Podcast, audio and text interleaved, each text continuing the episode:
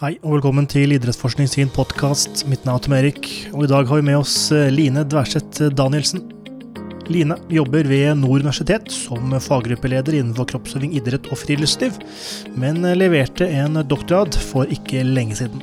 Doktorgrad ved navn Å lede kvinnelige toppfotballspillere, en studie av trener- og lederroll i profesjonsperspektiv, vil være hovedtematikken i eh, dagens episode.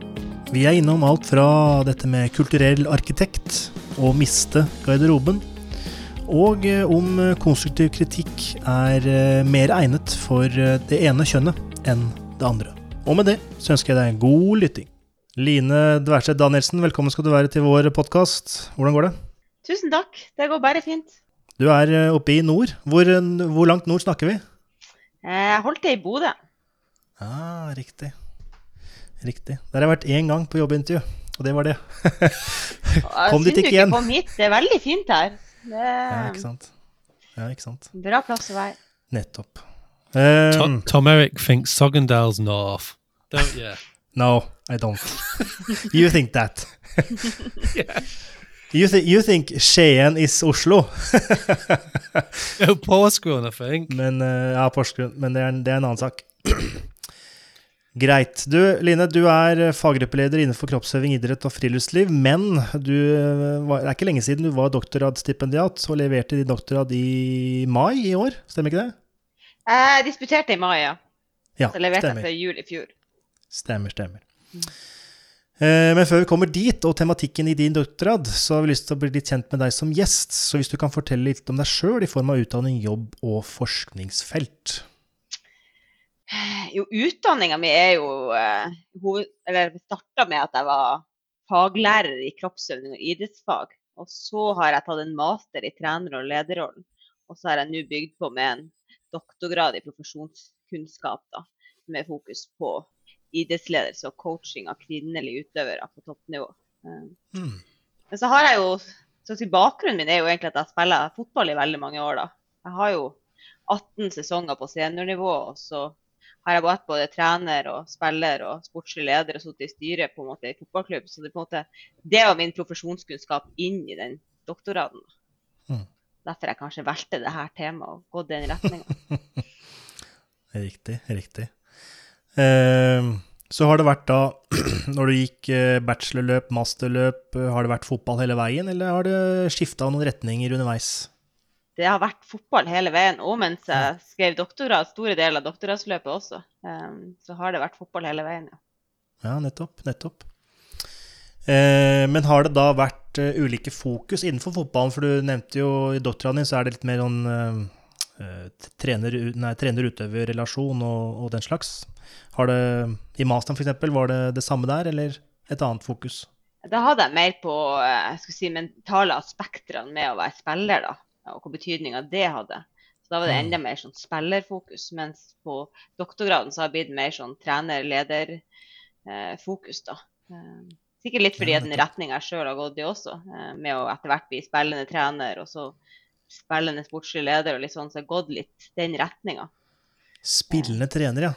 Da tenker jeg ofte på to fotballspillere, og det er uh, han norske som var for Vålerenga. Husker du hvem det var? Mørkt hår. Martin. Ja, ja. ja.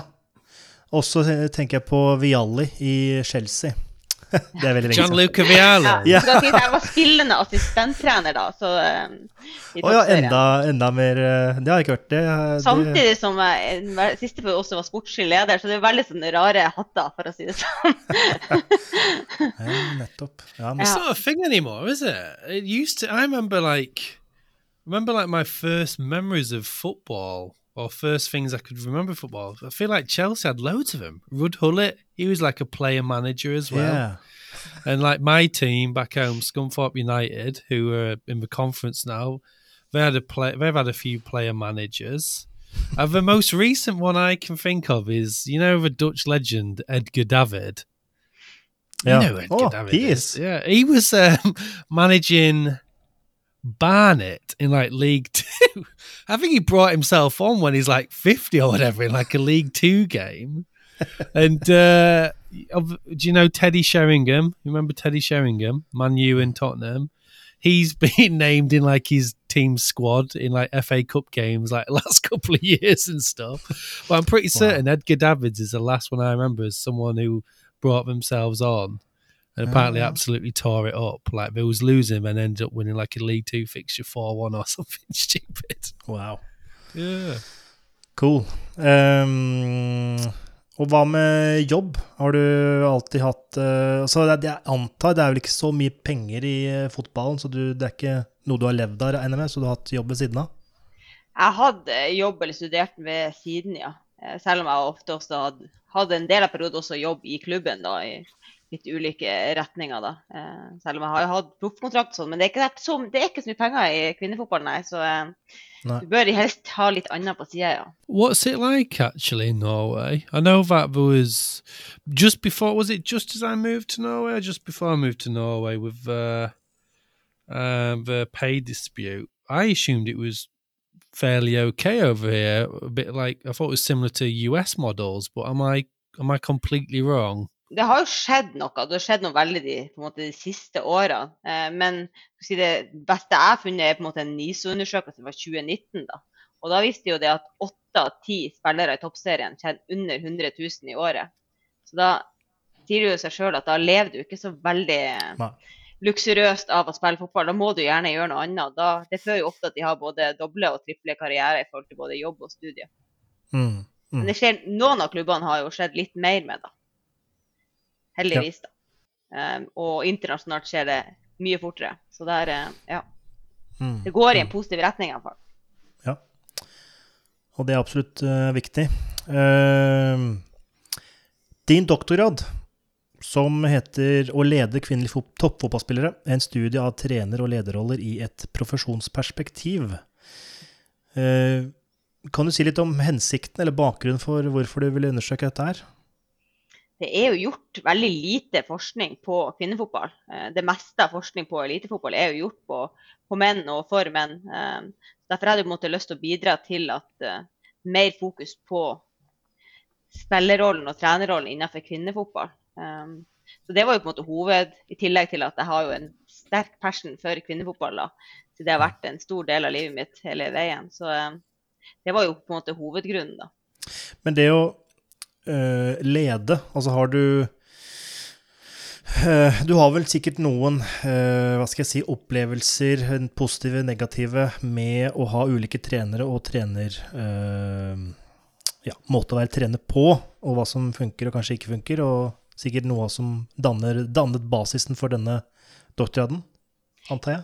Ja, ja, det er jo så klart det. Jeg hadde veldig mange, både, veldig mange gode trenere og utøverledere og spillere rundt meg som måtte påvirke hva jeg tenker er en god trener, som er sånn sett og gode spillere som har tatt med meg inn i avhandlinga. Så klart det. Eh, Så har man jo opplevd litt forskjellig som kanskje ikke funka like bra også. Eh, Mm. Naturlig nok i en såpass lang karriere. Men uh, gjenspeiler det du fant sånn helhetlig, uh, det du også opplevde sjøl? Også at uh, det du følte fungerte, det fant du også at fungerte for andre i din, din, den populasjonen du undersøkte? Jeg tenker jo det at mye av det jeg på en måte har funnet ut, er også det på en måte jeg kunne tenke litt på forhånd. da. Eh, fordi at jeg har vært såpass inni det og snakka med så mange under, både underveis og i forkant. Eh, selv om noen ting er jo litt mer Ja. Man finner ut litt nye ting, heldigvis. Så ja, rent uh, metodisk, eller uh, hva gjorde du? Jeg på en måte gjorde jo to delstudier. Eh, først en delstudie som var kvantitativ. Da jeg gjennomførte jeg en spørreundersøkelse på eh, kvinnelige fotballspillere på tre ulike prestasjonsnivå. Altså toppserien, førstedivisjon og andredivisjon. Og så kjørte jeg kvalitative intervju, med ti toppfotballtrenere for kvinnelige fotballspillere. Mm. Mm. Ja, riktig. riktig. So are they are they separate studies, or did did the the survey informed the interview? If you see what I mean. Nå skjønte jeg ikke helt hva du mente. So like, um, was it like survey interviews, or so for example, did you interview people who had completed the survey? Are they completely separate? De, like altså, de boxes? to delstudiene var egentlig ganske sånn delt. De var det. Ah, okay. Ja. Okay. Men øh, det Matthew sa- først, var på en måte de svarene du fikk fra spørreundersøkelsen, ble, det, ble de svarene brukt til å informere dine spørsmål i intervjuene? Altså i form av Egentlig i ganske liten grad, faktisk. Ja, ok. Eh, Fordi at på, i den kvantitative så så vi mer på liksom, mentale aspekter. Eh, om det var noen forskjeller mellom de ulike prestasjonsnivåene. Og da spesielt mot mental tøffhet. Da. Den på en måte skilte seg litt sånn sett ut i forhold til resten. Eh, de gjorde det. Så i den spørreundersøkelsen, du nevnte litt om mental tøffhet. Eh, hva mer spurte du om, og ja, hva er egentlig mental tøffhet? Ja, nå spør du godt. Eh, mental tøffhet han, det går jo ganske mye inn i det begrepet som vi brukte. Det går liksom både i forhold til standhaftighet, det går i forhold til selvtillit, det går i forhold til kontroll.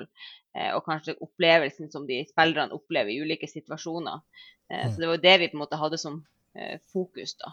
Og så var det å se om det var noe forskjell i mental tøffhet mellom spillere som spiller i toppserien, med, sammenlignet med spillere på lavere nivå. da. Det var på en måte det som var hovedfokuset på den delstudiet, den artikkelen, som var artikkel nummer én. Mm, mm. Eh, og da fant du ut, hvis jeg har forstått oppgaven riktig, at eh, de på toppen eh, hadde en sterkere mental tøffhet enn de i tredjedivisjon. Yes. De spillerne i toppscenen hadde med høye, skåra høyere på mentalt tøff enn spillere på lavere nivå. I tillegg så den underkategorien MT selvtillit var òg en signifikant forskjell mellom spillerne i toppserien og de på lavere nivå. Ja, nettopp. I'm always curious about that stuff, though. Is that like, is that, is that all because they're in that environment? Is it a product of that environment or a product of that level, or is that something that leads them to get to that level? Do you see what I mean? Like, ja. I would definitely, if I was Ronaldo, I'd definitely feel confident, right? but like, if I'm playing, I'm guessing I wouldn't feel so confident if I play Sunday League football, and I just wonder what come. I'm always curious what comes first. I remember, where was we at? Was that a, some kind of conference or seminar? And someone was asking the same thing about when they've done like, um, what's the word, cart legging of physiological aspects of, of players and there was a difference in like endurance performance in academy versus non-academy players and someone asked a really good question like are they not just fitter as a result of training in the academy or it's not like the endurance is one of the things that led them to be selected. So i guess i'm asking the same thing from a psychological perspective. Is it just a, a result of playing at that level? Der stilte, tenkte vi òg liksom, hva er grunnen til denne forskjellen. Er det fordi at er de mentalt tøffe fordi de spiller i toppserien, eller spiller de faktisk toppserien fordi de er mentalt tøffe? Og Det er jo på en måte, det svarer jo ikke denne undersøkelsen på, men det er jo egentlig som du sier, det er jo ekstremt spennende. da. Er det sånn at det krever egentlig å være mentalt tøff for å spille i toppserien, eller er det sånn at ved, ved å spille, spille i toppserien, så får du den tryggheten, du får den trua på deg sjøl, og dermed bli, vil du score mer på mentalt tøffhet? Det, det har vært spennende å finne ut av, for det, det vet jeg ikke. what, what do you Well, think oh sorry Tom, Yeah. Yeah, go on. I think you're going to ask the same thing. Pro- maybe. Um, I was going to say, do you think there's much bias in the responses? Heldigvis i liten grad, sånn sett. Men jeg vet jo, altså, det er vanskelig å si, da. I'm just always curious whether people go, I'm just going to say mentally tough anyway. Uh, for, eh, når du nevnte bias, uh, Matthew, kan du bare forklare det kort hva bias er, i tilfelle folk ikke vet hva det er. What do I mean by bias? No, uh, not what you mean by bias, but what is bias so the listeners can uh, understand what you meant. Well, you know what BS, BS, BS? You know, it's same word in Norwegian, right? Ja, ja, ein, eh, nei, det er inhabilitet, er det vel det som er norske, er det ikke det? Ingen som har lyst til å svare? Well, all right. Well, what I mean is then, so another example might be a, a over-reporting bias is that you get more answers than you should because some people. So, say for example, one of my papers when we looked at smartphone use, we probably got an over-reporting bias in that more people we thought there's more people using the smartphones, but they probably were more likely to answer a survey on the smartphone because they're already using it in practice. Hmm. And so an under-reporting bias is, is the opposite. Hmm. Or bias hmm. in this context, I basically mean the same thing like when we use RPE a lot. People just answer what they think should be the answer rather than a genuine response. Huh. Og det er jo det som er utfordringa med selvrapportende data, sånn som, eh, sånn som spørreskjema er, er jo det at man vet ikke om du sier de svarer etter hva de tror at du ønsker at de skal svare, eller at de faktisk svarer det de tenker. De prøver jo på en måte å påpeke det i starten, at her skal du svare akkurat det du tenker og føler, og eh, det er ikke noe forventa svar. Men, men, man vet jo det at eh, de tingene der påvirker, og at eh, man gjerne kanskje av og til svarer det man tror at det er forventa av seg. Well, yeah, because the other term I was going to mention is social desirability. Like it would probably be far more desirable to report to be mentally tough when you're an elite performer than not. That's a more socially desirable response in that context, mm. which again mm. is bias, basically. Dette med mental tøffhet og den også selvtillit var eh, en del høyere hos de som spilte i en høyere divisjon. Um, er det noen du nevner psykologiske karakteristikker. Eh, hva er det du mener med det, og er det noen sammenheng der mellom mental tøffhet og Jeg antar Det er sikkert ikke noe personlighetstrekk dere testa, eller sånne ting, men hva, hvem, hvem er disse som er mentalt tøffe? De er jo som oftest Man ser jo det på fotballspillere. liksom visst at eh, si, Telvel gjorde en undersøkelse på det her for en del år siden. Jeg husker ikke akkurat. og Det så du på, på fotballspillere. at det, De som er mentalt tøffe, de står liksom mer tryggere i de situasjonene som skjer. og sånt. Det skjer jo, sånt, Du blir jo skada. Eh. Du blir satt ut av laget. du Laget taper kamper. Men når du på en måte er mentalt tøff, så står du mer tryggere i de situasjonene. Og du blir ikke så mye påvirka av, av at ting på en måte går litt opp og ned. For det gjør det i en karriere som utøver. Eh, du står litt tryggere i deg sjøl, og når det, måte, også når det gjelder, så står kanskje de her spillerne ofte litt fram, da, fordi at de, de blir ikke så påvirka av at eh, de blir nervøse før kamp, eller eh, mm. når det ting virkelig gjelder. Eh, så vil du da si at det å prøve, jeg vet ikke hvordan det ser ut, men det å prøve men, dyrke mental tøffhet som trener er viktig. Men eh, hvordan gjør man det egentlig? Og da, man, man, eh, tenker jo, Hvis man er som trener og sitter og hører på og tenker at ok, mental tøffhet er viktig, hvordan får jeg til det? ja, eh, da må du jo på en måte jobbe med å gi spillerne ansvar og eh, et eierskap til det de holder på med, og måte være med i de ulike prosessene, sånn at de på en måte føler en trygghet i det, og at de på en måte føler seg støtt, støtt i det de står i. Eh, det trenger jeg kanskje er viktig. Og så er det jo å bygge opp mot at uh, de skal få stor trygghet. da. Uh, Nå rapporterer f.eks. de her trenerne da, som jeg intervjuer, at de opplever at kvinnelige spillere er det med selvtillit er mer ustabil eh, og mer mm. situasjonsavhengig. Og at når de egentlig tror at nå har laget vunnet så mye, nå har vi spilt så godt, nå kan jeg trykke det litt ekstra, så er de fortsatt ganske ustabile. Um, mm. Og at de kanskje må tenke litt mer på det som som trener for kvinner at kanskje den selvtilliten er litt mer ustabil og trenges å kanskje fokus på å bygge den i større grad opp. Eh, og hvis vi sammenligner også med den si, spørreundersøkelsen vi gjorde, da, så vi sammenligner med samme undersøkelse gjort på menn eller mannsdominerte utvalg, så rapporterer de kvinnelige spillerne hos oss lavere. Så det gjør jo både, både trenerne og egentlig spillerne rapporterer sjøl at de har en, kanskje en lavere selvtillit enn det, enn det menn ofte har. da. And it's more unstable. So that makes me think of like trait versus state stuff. So that the like the for females, the state related psychology things are more vulnerable or more varied. If you still understand what I mean, like, do you know what I mean to make state versus trait? No. So, like, um, Liam was talking about this last week. We'll get him on at some point. So, like state versus trait anxiety. So, like the state is situation related. Like uh-huh. we'll both of us would probably be anxious on a roller coaster, right? Uh-huh.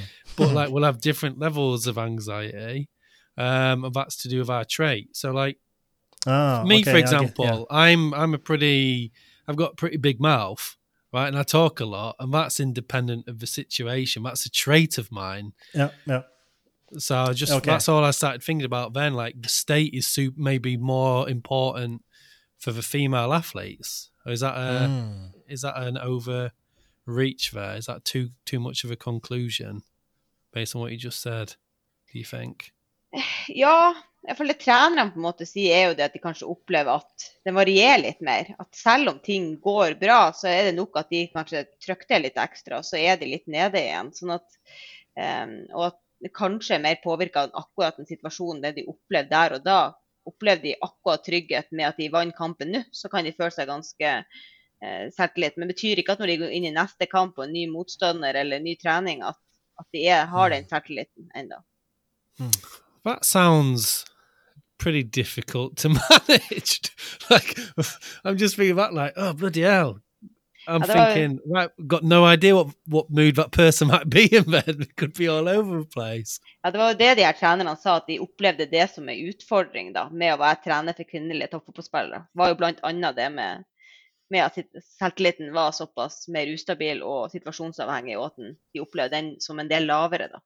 I, I feel as a coach uh, a little bit like that sometimes. I feel like I feel like I can say the same instruction twice and get very different responses from the same athlete.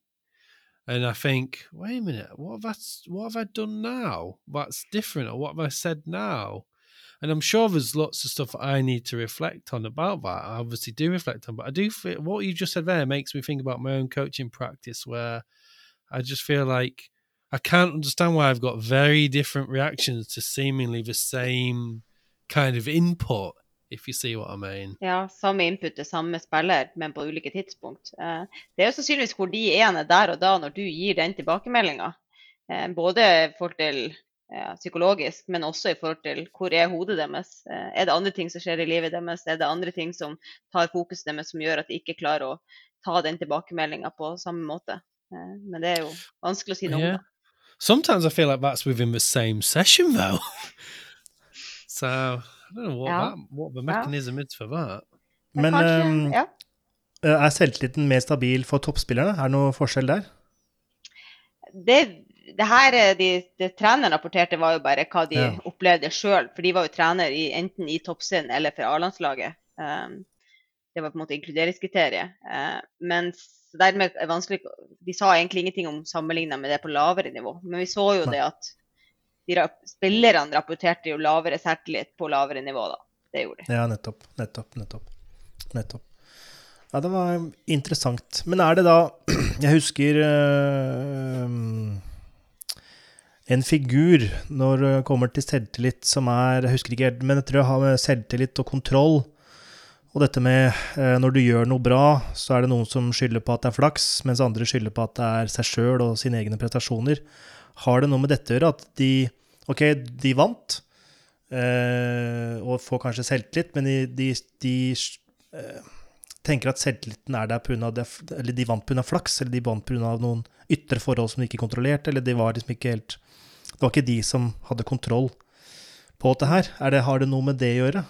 Det, det, jeg skjønner hva du er inne på å tenke på. og det er jo Forskning innenfor dette feltet har jo sett at ofte kvinner måtte forklare eh, seire eh, med utenforstående ting, og menn gjerne forklarer det med ting de har påvirka sjøl. Mens det er litt motsatt for ting går dårlig, så forklarer kvinnene med at de, de var for dårlige sjøl, mens menn kanskje skylder da på litt mer utenforstående ting. Eh, og det mm. kan jo så klart ha en påvirkning. Jeg husker ikke hvem som det, det er jo på en måte Forskning har visst at det er litt sånn, da. Eh, selv om det er, jo, det er jo alltid litt vanskelig å generalisere, fordi det er jo veldig forskjell innenfor de her kjønnene uansett. Ja, ja, ja. I've got so many like thoughts in my head right now about my own practice because I'm fully aware of that male and females are physiologically very differently, uh, very different, biomechanically very different. Oh, was just a fire alarm going off, but it just said "Ingen evacuering a nödvändig." That means I, that means I can stay. Right. If I can't, yeah. right? If if you see fire, I'll leave, but I'll just stay here then. Um, anyway, so I know that like there's these physical differences. I know that's a criticism in the literature at the moment, or a lot of good academics, a lot of good female sports scientists are arguing that we need more better quality research in female athletes and stop treating them like smaller, lighter men. We can't hmm. train them in the same way. I kind of appreciate that. well, all the stuff you just said, I've never really thought about how different they might be psychologically. I've kind of just said, right, right, everyone at the top, elite athletes, they all have like grit and determination and relative mental toughness. I never really thought about men versus women in that aspect. And we like basically, I have a rugby club, and we train men and women all at the same time. And now I'm starting to think like I shouldn't have this like blanket approach to the way I kind of feedback and discuss then. But I don't know how I would do it because we hmm. need to be men and women for mm. numbers. Right, we haven't got a club big enough. But I'm just wondering what I might need to do differently. What might pop up later on in this conversation. Well, this is really interesting. Is that part of the reason why you did what you did? Is there just a lack of understanding and is there just a lack of female perspective in elite sport? Altså, What do you think? En del tidligere forskning har jo vist at det er psykologiske forskjeller mellom kvinner og menn. Og dermed, Samtidig så vet vi at det er gjort, at det er gjort lite forskning på det. Så det var jo en av derfor grunnene at vi ønska å se på det. Eh, om det hva, hva, det kan ha betydning for kvinner. da. Eh, men jeg tror jo det at eh, det var på en måte ikke et mål å argumentere for at én trenerstil funka for kvinner og en annen funka for menn. For så enkelt tror jeg ikke det er for å få si, noen til å prestere på toppnivå. Eh, det er mye mer komplisert enn det. Men det å kanskje ikke tenke at du kan komme fra f.eks. hellefotball og rette over på damefotball, og så skal du kunne gjøre akkurat det samme som du gjorde, og tro at det fungerer. For det gjør det ikke alltid. Og det tror jeg kanskje ikke gjør innenfor ett lag heller. fordi at det aller viktigste er at du blir kjent med dine spillere. Hvordan, eh, hva, de, hva trenger du å gjøre for at de skal lykkes? Eh, og da er det viktigst å bli kjent med de, uavhengig av kjønnet de egentlig har, da, tenker jeg. So you said something interesting about that gap in the research. I'm just curious, like on a personal level, how much is the research kind of generated from a kind of literature basis, and what's what's not been covered, and how much of it is maybe from a personal experience basis, if you see what I mean? Because obviously you've played at top level. And like, there's there's not a huge amount of people who have gone from like elite sport and then done a PhD in in the topic. So if, I'm guessing there's some kind of like personal, individual motivation there, right? Not just oh, I'm doing it because there's no papers on this subject. Så klart, Noe av det spiller jo inn at det klart var lite forskning og dermed et interessant felt å gå inn på. Men så klart hovedgreia er jo det at det har vært ja, veldig passion i forhold til kvinnefotball og på en måte lyst til å finne ut hvordan, hvordan kan jeg finne ut litt hva som kan være med å forbedre praksisfeltet. da. Eh, og Det måte, det jeg hadde lyst til å være med å bidra til gjennom denne doktorgraden. Hva kan, kan jeg finne ut noe som gjør at uh, kvinnelige fotballspillere i enda større grad kan nå sitt potensial? Mm, mm. Ja, og, og, dette med selvtillit, eh, for det er jo en eh, som vi nevnte i stad. Eh, det var en eh, artikkel i Krono som hadde overskriften 'Man måtte ha mer hensyn til selvtilliten til kvinnelige spillere enn mannlige'. Så det blir litt det samme spørsmålet. Jeg tror, tror ikke vi har svart på det. Men altså, hvordan, hvordan, gjør man dette her som trener? Hvis man hører på det som trener og ok, ta mer hensyn, hva, hva, hva betyr det? Skal jeg Det er vel altså en NRK-artikkel som sier at du skal passe litt mer på hva du sier. Eller hvordan du sier det eh, i forhold til eh, konstruktive tilbakemeldinger. Er det det det menes? Jeg tror nok du må det, ja. Det sa jo en av de her informantene mine også. At hvis, hvis den f.eks.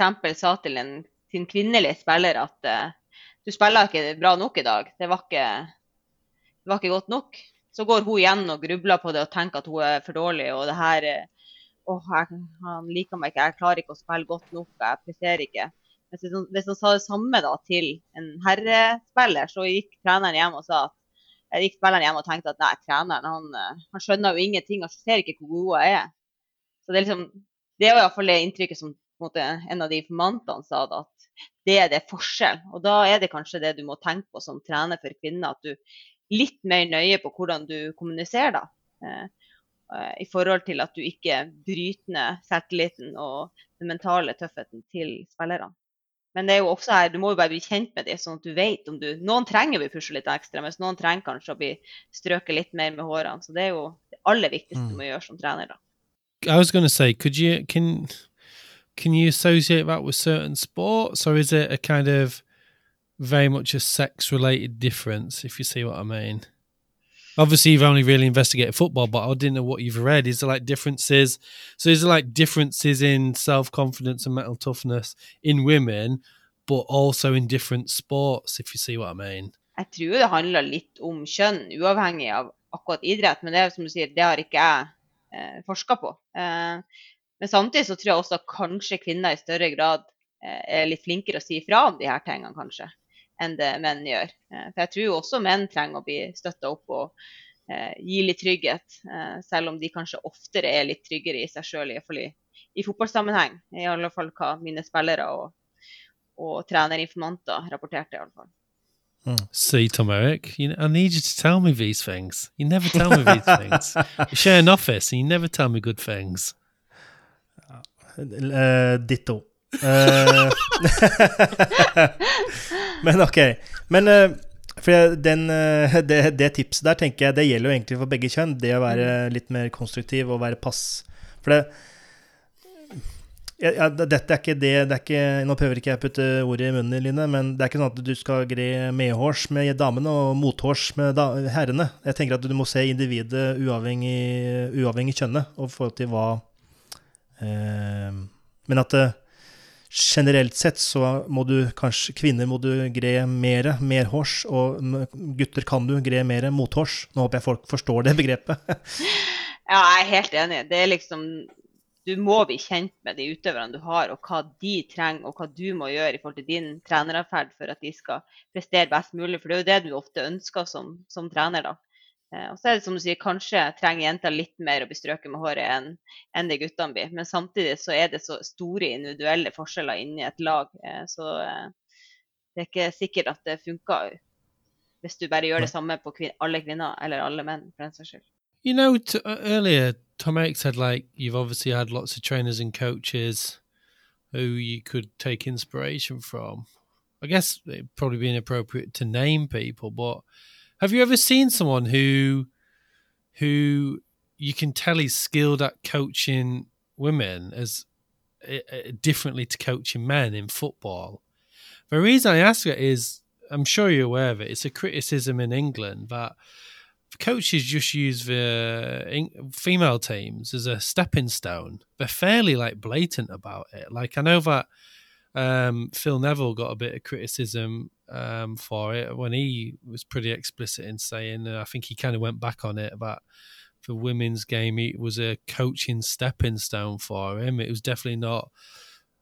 Uh, somewhere that he wanted to be permanently. The idea is to be coaching top level men's football, international men's football, or c- club football. And that's really frustrating to hear for me. I think it devalues elite female sport. And so that's why I asked about it in football. Have you seen people who have almost like they were just born to coach women's football, independent whether that's a man or a woman? And if they are, what is it about them that makes you would think that? That's a very long question, I realize, as I said that. Ja, ja, det var et langt spørsmål. Em, om det er noen som er født til å være trener for kvinner? Ja, det, det, jeg tror jo at det er noen som har de de lederegenskapene som, eller treneratferden som passer mer i kvinnefotball enn i herrefotball. Det er det helt sikkert. Um, men det er jo vanskelig å si at du kanskje ikke hadde funka på, på det ene hvis det andre. fordi at eh, du kan godt hende at du hadde funka veldig godt å være trener i toppserien, men det kan også at du funka veldig godt å være i Eliteserien, selv om du kanskje ikke får sjansen til det. Um, hvis du sammenligner med kvinner og menn i, i Norge, da. Eh, jeg tror det viktigste er jo at hvis du har de pedagogiske og de faglige kvalitetene, og klarer å tilpasse deg til den gruppa du skal lede, så kan du egentlig funke litt hvor som helst. Mens noen har nok helt sikkert de kvalitetene som passer enda mer for å, for å lykkes med kvinnelige utøvere enn, her, enn mannlige utøvere. Men jeg har ikke noen gode eksempler å komme med sånn egentlig, fordi at, eh, ja, som har lykkes på begge områdene. Har et eksempel. Eh, Fritz Aanes, brytetrener. Eh, kunne han passa inn i kvinneidrett? Da tror jeg han kanskje har måttet tilpasse atferden og kommunikasjonsmønsteret sitt noe. Riktig. Riktig. Han var jo veldig god, eh, jeg vet ikke om du så på 71 grad nord, men eh, han var god med hun som også heter Line, faktisk. eh, Som tidligere NRK-reporter eller ja, person. Ja. Nei, jeg så ikke, jeg har ikke sett det, så det, men det kan han helt sikkert være. Funk. For kvinner òg bare han tilpasser seg litt. Riktig. What about um? Because he's obviously never going to listen to this. What about Yunana Risa? Have you seen the TV show? I just feel like every clip I watch, he's just losing his mind, and they look pretty scared of him. Ja, but that's for obviously like edited, isn't it? det er jo det som er utfordringa med når du lager en TV-serie, så klipper de vel ut det som kan selge mest eh, på eh, Så dermed er det vanskelig å på en måte si hvordan han er som en eh, trener. Fordi at spillerne høres ut som de vil ha han. Um, Mm. Og dermed må han jo gjøre noe annet enn det som vises på TV-klippene, tenker jeg. Fan av Flint? Nei, jo, er det ikke det det? var det første TV Ja. Ja, ja, første, ja. Det var det med de herrelaget som hadde Ja, på sesongen før, tror jeg. Stemmer, stemmer. stemmer. Jeg har ikke sett, eh, jeg har ikke sett det. Bare sett, eh, sett disse klippene på sosiale medier som, eh, ja, som eh, He's losing his mind, som Matthew sier. Ja. Nei, jeg har bare sett noen av de jeg òg, og så sett et par episoder, så jeg skal ikke si akkurat. Nei, nei. Eh, disse eh, intervjuene eh, som vi har snakket litt om nå, eh, ti stykker på ganske høyt nivå, landslag og toppserien. Yes. Eh, kjønnsdelinga der, var det kvinner, menn? Eh, Ja. Målet var jo både å få kvinner og menn, og så skulle de hatt minimum fem år som hovedtrener, enten i toppserien eller for A-landslag. Eh, og Mm. det har jo de her, da. Eh, og da endte vi opp med seks menn og fire kvinner. ja, Vi fikk litt variasjon i, Ja. i kjønnet blant trenerne. Var det noe forskjell på svara kjønnsmessig? Noen, eh, men det gikk kanskje litt mer på utfordringene de opplevde, som var litt forskjell. Som sånn sett også er kanskje litt naturlig. Spesielt det at alle de mannlige informantene fortalte det at uh, distansen til garderoben var en utfordring. Mens det er jo naturlig at det opplever ikke kvinnene i samme, i samme grad. Mm.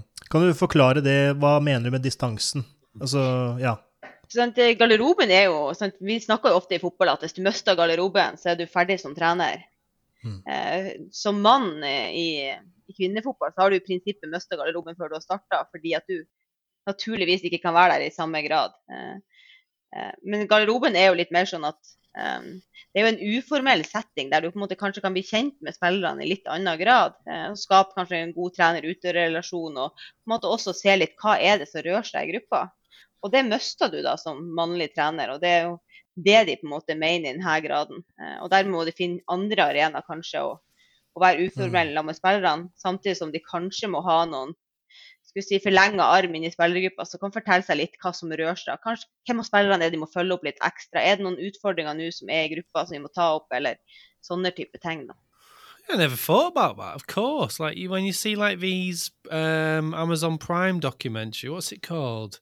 Is it All or Nothing? We've done Man City, Arsenal, All Black. Most of that's talking in the changing room while someone's one of the players is got not any clothes on. Of course, you can't do that if you're a male coach of a female team. I just never really thought about maybe how much kind of quality time you might miss out on there. Mm. Like you said, it's an informal arena. Mm. Nei, du Ja. mister jo den, den uformelle settinga som garderoben er sånn sett en fin arena å, å være i, eh, og få med seg det. Så eh, Det er jo en utfordring som skal si, alle de mannlige informantene trakk fram, og det er jo sånn sett litt spesielt. da. At Når de Mm. spør om hvordan utfordringer de opplever, så er alle trekker fram det med en gang. ja Is there an alternative though? Can there can there be like a a compensation for that, or does everything else then become like more formal? If you see what I mean, because then I guess if you gather all in kit in a meeting room post after getting changed, it becomes more of a formal kind of meeting. So I wonder wh- where can you get the informal if you are a coach of a different sex? Nei, Du må kanskje lage litt andre typer settinger da, til å på en måte møtes. Eh, så klart, Du kan jo være i garderoben når det på en måte er, er litt mer formelt, da. men det blir jo, da får du det formelle igjen. At du skal liksom diskutere kampen eller forkant av kampen eller treninga. Mens når du da på en måte bare skal skifte eller skal henge litt i garderoben, det er da du på en måte går ut som mannlig trener. Så da er du kanskje å klare å finne noen andre syvbesetninger setninger der du klarer å være litt mer uformell. og eh, det kan være positivt. da. Eh, samtidig så Mm. trekker jo de her trenerne fram det å på en måte ha kulturelle arkitekter eh, som de kan ha i spillergrupper. altså de positive leder, ledertyper som de kan på en måte støtte seg litt på. Som kan fortelle litt hva er som skjer, hvem av de spillerne er kanskje jeg må følge opp litt ekstra. Er det noen ting som er litt mer utfordrende nå, som vi må ta opp og jobbe med, osv. Det, det var liksom det de spiller inn, da, de her mannlige informantene som kunne være en god bidragsyter inn på det her. Da. Eller ha noen f.eks. i trenerteamet ditt. Sant? Ha et trenerteam som består av menn og kvinner, kan jo være gunstig i en sånn situasjon. Mm. Yeah, I was going to ask about that. Obviously, you use the phrase cultural architect from in in your paper. Who would be better in that role, like a player or so? Say that you met your man who's coaching a female football team. Would it be better to have like uh, your partner um, to discuss those things as a player or like a female assistant? I don't know who would be better. I'm guessing it's all contextual context specific. But I often wonder whether that could cause, maybe you found that in your work actually, it caused conflicts if there's like a player who becomes that cultural architect. Is it, or is it usually good? But can it be a bit of a bad idea? Is it like accusations of favoritism and, and nepotism and all that stuff? Altså, så vi, vi, har på en måte påpekt at kulturell arkitekt det kan bare være positive ledertyper i utøvergruppa. Så kan du jo finne negative ledertyper i utøvergruppa, men de vil ikke vi kalle kulturell arkitekt. For det liksom, skal være et positivt fortegn. Eh, men det på en måte de sier da, de trenerne, er jo det å det, den viktige relasjonen mellom, det er viktig å ha en relasjon mellom trenere og kulturelle arkitekter. Eh, og Den må baseres på tillit og integritet. Da. Den må på en måte ligge der i bunnen. Og at trener da skal kunne bruke den her som sin forlenga arm inn i spillergruppa. Og Da må det jo være noen du har tillit til og stoler på og på en måte er trygg på, som også bygger opp deg som trener, med å bygge opp deg som trener også. Mm. Men det andre spørsmålet du hadde i forhold til om det er bedre å ha en spiller eller en trener, det det er jo som du sier, det blir kontekstavhengig. Og jeg tenker at det er kanskje fint å ha begge delene. ja. Vil ikke, vil ikke, kapteinen på laget være ha, altså, Bør ikke hun være den naturlige kulturelle arkitekten? Er det ikke hun som skal representere og holde i gruppa? Vi sier, vi sier jo si, i paperet så sier vi jo at uh, kapteinen er jo som oftest den kulturelle arkitekten. Men mm. en kaptein trenger ikke alltid være en kulturell arkitekt. Men Nei, sånn, ja. ja fordi at eh, Selv om du er kaptein, så trenger, det betyr ikke at du er en kulturell arkitekt. Men som oftest, de som er kulturelle arkitekter, har, går som oftest med kapteinspinnet. ja. Jeg husker uh, vi hadde en eh, episode med Louise Holte. Was it that, Matthew? Yeah. Uh, psykologisk rådgiver i Stabekk, var det vel. Uh, dette var jo hun kvinne og for mannlige spillere, men det, hun hadde jo ganske mange hatter, for seg, eh, hatter på seg. Og der, uh, som uh, også massør, da, så fikk hun jo hva skal jeg si denne uformelle innblikket i tilstanden i spillergruppa gjennom én og flere spillere. Så det er jo Hun kan jo kanskje være en kulturell arkitekt i det laget, uten at du kanskje veit det sjøl. Det kan jo hende, men sånn som vi har brukt begrepet kulturell arkitekt, så er det jo på en måte en spiller som også må være såpass god at du faktisk uh, bidrar ut på banefeltet når det, mm. når det mm. avgjøres. da. Um, og det blir jo sånn et problem å karakterisere hun inn i det, da. Men uh, at hun kan være en uh, kulturell bidragsyter og viktig i spillergruppa der, det er jeg helt sikker på hun kan være. Yeah, because in your paper, architect's not a random word, is it? Like there's a bit of a paragraph about why you've used the word architect. Because uh, I was going to say, why why do you use that word and not a cultural builder? But I wonder if you could explain what kind of architect means and why that fits. I guess for the purpose of the the listeners who might not read the intro of your paper, why was that word used? That term, architect's a Norwegian word, as right as well, right? Arkitekt? Ja. Yeah. So what, why that word? Eh, sant, eh, vi bruker det, vi har brukt det da om svært innflytelsesrike, positive ledertyper i utøvergruppa. Og det kommer jo egentlig fra begrepet som han Railo og Sven Gjøran Eriksson brukte eh, når han Sven Gjøran Eriksson var trener for det engelske eh, landslaget. Det er der på en måte det kom inn i sportsbegrepet, det kulturelle arkitekt. Ellers har det på en måte ikke vært skrevet noe særlig og brukt noe særlig. Så vi har på en måte tatt utgangspunkt i det, hvordan de brukte begrepet, da, og så har vi på en måte tatt utgangspunkt i det hva de her informantene beskrev de her svært innflytelsesrike utøverlederne. da. Det var vel uh, muligens Krono-artikkelen der uh, kvinnenes tap, altså på tap for England, var det vel? Uh, 08 eller 07? 08, ja. Mm. 08.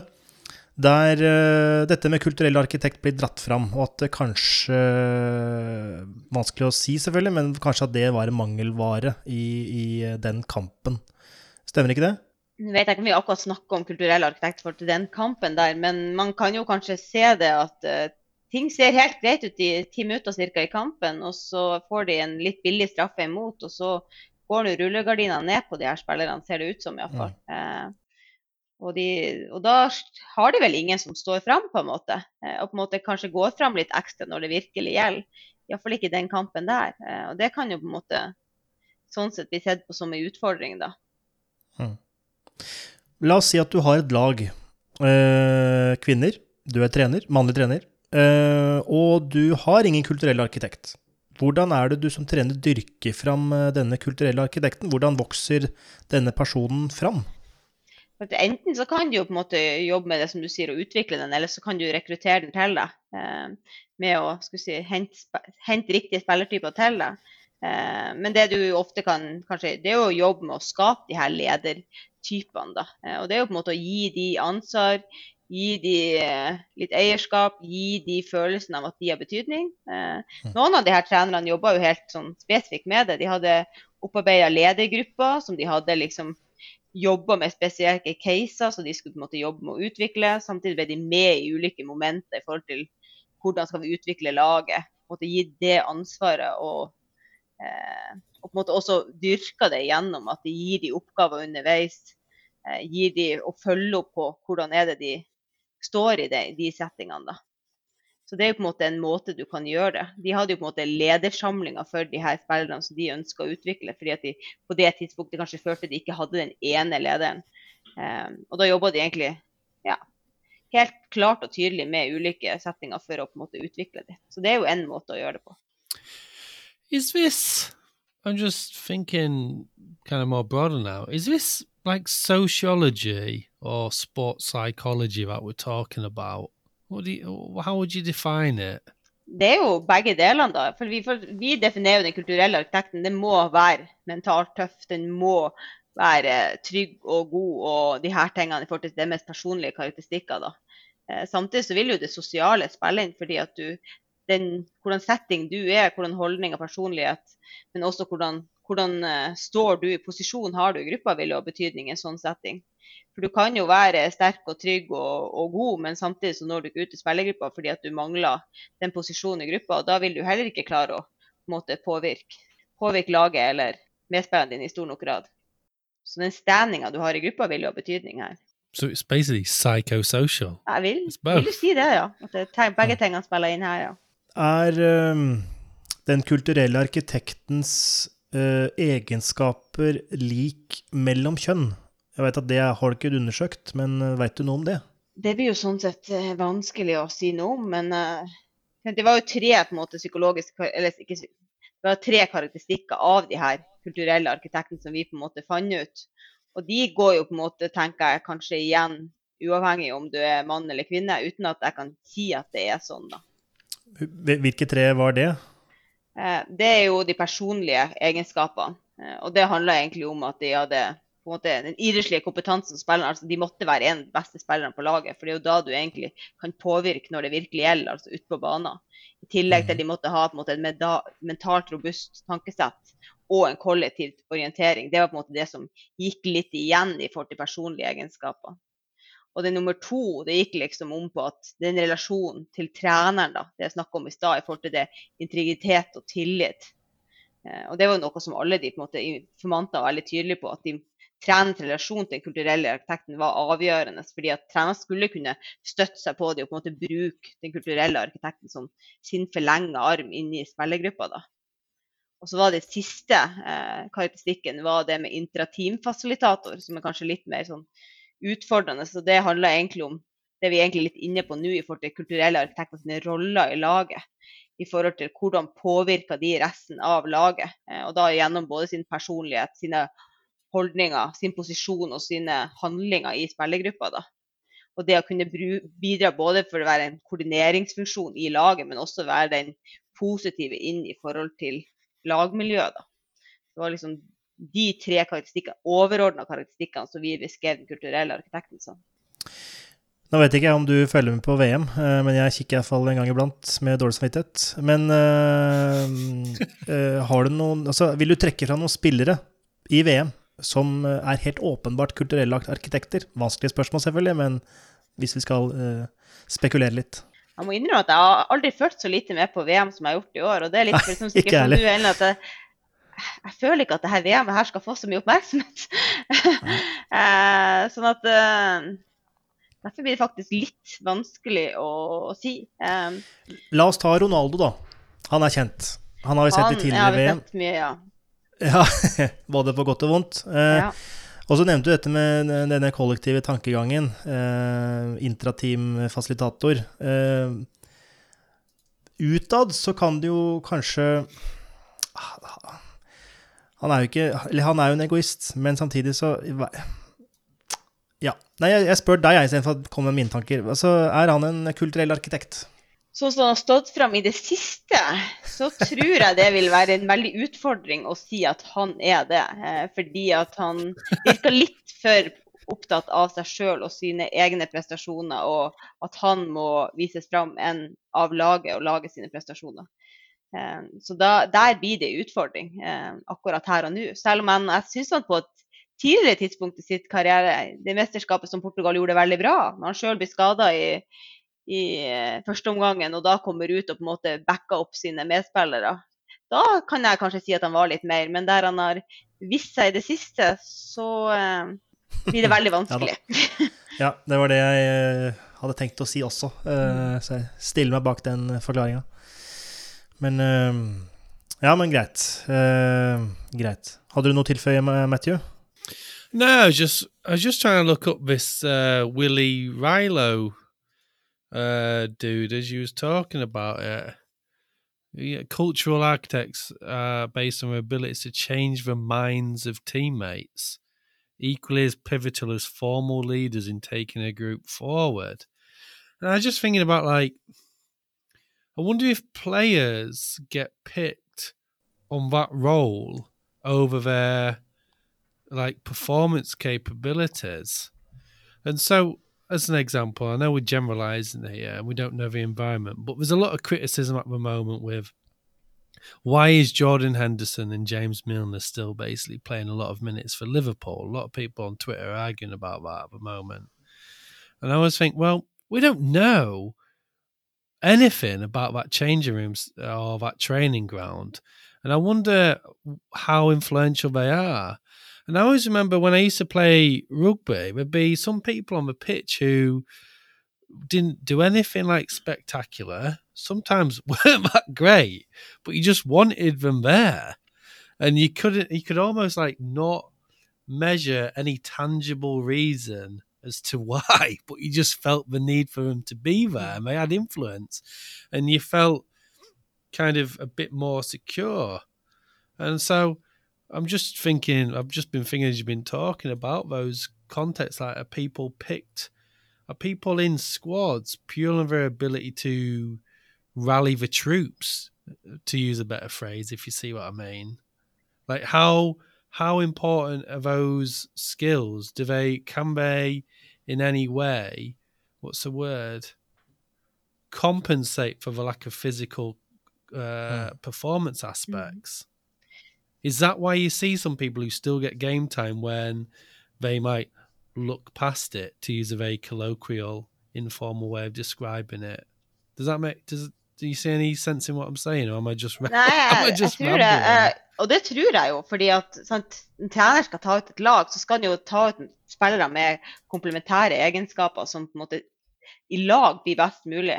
Um, og sant, Da har du noen av de spillerne som kanskje ikke synes så veldig når de for de gjør ikke det spekulære. Men hvis du tar de ut, da merker du at de er borte. For de gjør kanskje grovarbeidet. De får at laget er mer samspilt. De får at måtte gjør de andre gode. Um, og de spillerne er jo ekstremt viktige. Og det er jo kanskje sånn som vi når vi bare sitter og ser på en kamp og måte, skjønner ikke hvorfor den spilleren spiller, for den vises jo ikke så veldig. Men hvis du hadde tatt ut den spilleren, så hadde du kanskje sett hva som mangler. Uh, og det er jo kanskje noen viktige momenter her. Og det var jo også en av de informantene inne på, at uh, de latt være å bruke en landslagsspiller i en posisjon fordi at de an, de, de, andre, når de andre spiller, som egentlig, hvis du så bare på de fotballferdige egenskapene, var svakere, men var mye bedre komplementær med resten. Og dermed måtte de, spille, måtte de velte den treneren å spille med den utgangspunktet svakere spilleren da, fotballfaglig. Sånn at de gjør jo sånne valg fordi at uh, de må se helheten. Hva er best for laget totalt sett? I mean, just think about it. Think how little time when you're playing a game of football as a percentage of your time at work. It's not a lot, is it? Think where most of your time is at work as a professional football player. It's not in the game. So I can kind of understand that. Mm. Og sant, vi, vi, som bare ser på som publikum på et lag, så ser jo ikke vi hva folk gjør på trening heller. Kanskje er den uh, veldig god der, og samtidig også veldig Treneren merker at når de tar den ut av laget, f.eks. og prøver med den litt bedre spilleren, så detter resten. Fordi at de andre kanskje blir tryggere å ha den på banen, og at den gjør grovarbeidet som kanskje ikke er like synlig. Did you experience that when you was playing? Ja, jeg har spillere som har tenkt at kanskje ikke visste så godt, men vi visste alltid at hvis en spiller, så var den på en måte tryggheten og på en måte eh, Kanskje litt bindeleddet, på en måte. Du merka når den ikke var der, om du var på trening eller kamp, så merka du det. Men når kanskje ikke den som var mest synlig med å skå, slå nøkkelpasningene, eller de gjør de ekstraordinære prestasjonene. Men laget ble bedre av å ha den på banen. Har du noen gang vært kulturell arkitekt som spiller? Det blir jo sånn sett eh, vanskelig for meg å svare på. Eh, det tenker jeg at det får eventuelt eh, tidligere trenere eller medspillere svare på. Har du vært kaptein? Det har jeg. Riktig. Riktig. Så det er kanskje. Kanskje. Vi får se. Riktig. Why do you think getting deep now? what, what, what Have you been a captain at multiple clubs, or is it, was you captain in one club? Jeg har jo store deler av karrieren min spilt i én klubb, da. Eh, jeg har spilt okay. toppserie for to, men uh, der var jeg bare ett år i den andre klubben, så uh, ja. Uh, okay, so you're captain of one club. Yeah. Why do you think you were made captain? Hmm, nei, hvorfor det, tro? Eh, sannsynligvis fordi at eh, forhåpentligvis er jeg litt eh, flink på å få fram resten og gå litt foran og kunne på en måte snakke og styre litt og, eh, når vi var ute på banen der. Eh, og sikkert tok litt ansvar, håper jeg. I'm just wondering how much of your own your own experience kind of sits in this literature, if you see what I mean. Could you easily be reading an interview response and think, oh, I think that's me, or it could have been me, or or the complete opposite, like, oh, that's not me. If you see what ja, I mean. det kan man jo helt sikkert se, for at man har jo noen likhetstrekk med, med, noen av de som de sånn sett snakker om, og, og, det motsatte også. Så det er jo sånn sett uh, veldig spennende å se. Og jeg tror jo at man kan finne ulike typer som kan være kulturelle effekter i lag, litt avhengig av hva, hva det laget trenger, da. If we go back to the kind of methods, if we get, get into some research methods, You did the interviews, right? I'm guessing you did because it's your PhD. Yeah, I would interview. Yeah. Have you got any like reflections on the fact it was you doing the interview, your your your kind of prior understanding, your prior experience? How do you feel like that impacted on the interview responses? Was it better? Was it potentially a bad idea? I'm just wondering if you got any thoughts on the fact that how involved you are in the context, how that shaped your kind of methodology, really. Det er jo noen utfordringer med kvalitativ metode, er jo at forskeren seg sjøl kan bli ganske påvirkningskraftig, eh, naturlig nok. fordi at eh, det er jo den relasjonen som du som intervjuer og intervjuobjektet får, har jo betydning. Eh, så sånn sett vil det jo sannsynligvis ha en betydning. Og jeg tror jo jeg opplevde i alle fall at det var kanskje lettere for meg kanskje å få tak i informanter, fordi at jeg var litt kjent i fotballmiljøet, eh, og folk visste om meg fra før av. på en måte. At det var iallfall ikke negativt. Samtidig som eh, jeg tenker at det kanskje er litt fordel for min del å på en måte være litt kjent i konteksten, som gjør at det kanskje er lettere å stille spørsmål. Men samtidig så er det jo ekstremt viktig da når du skal analysere, at du på en måte prøver å ta brak blikket ditt litt og på en måte heller fokusere på hva informantene sier, enn din egen opplevelse av det. Uh, og det er jo en av grunnene at du i hvert fall for min del tok inn en del medforfattere som kunne komme med litt annet blikk på materialet. da. So how how what's your strategy for kind of removing yourself from the data? Is there anything, any specific ways you do that that are based on say like research methods or? Hovedsakelig er jo bare at jeg på en måte fokuserte på hva informantene sa.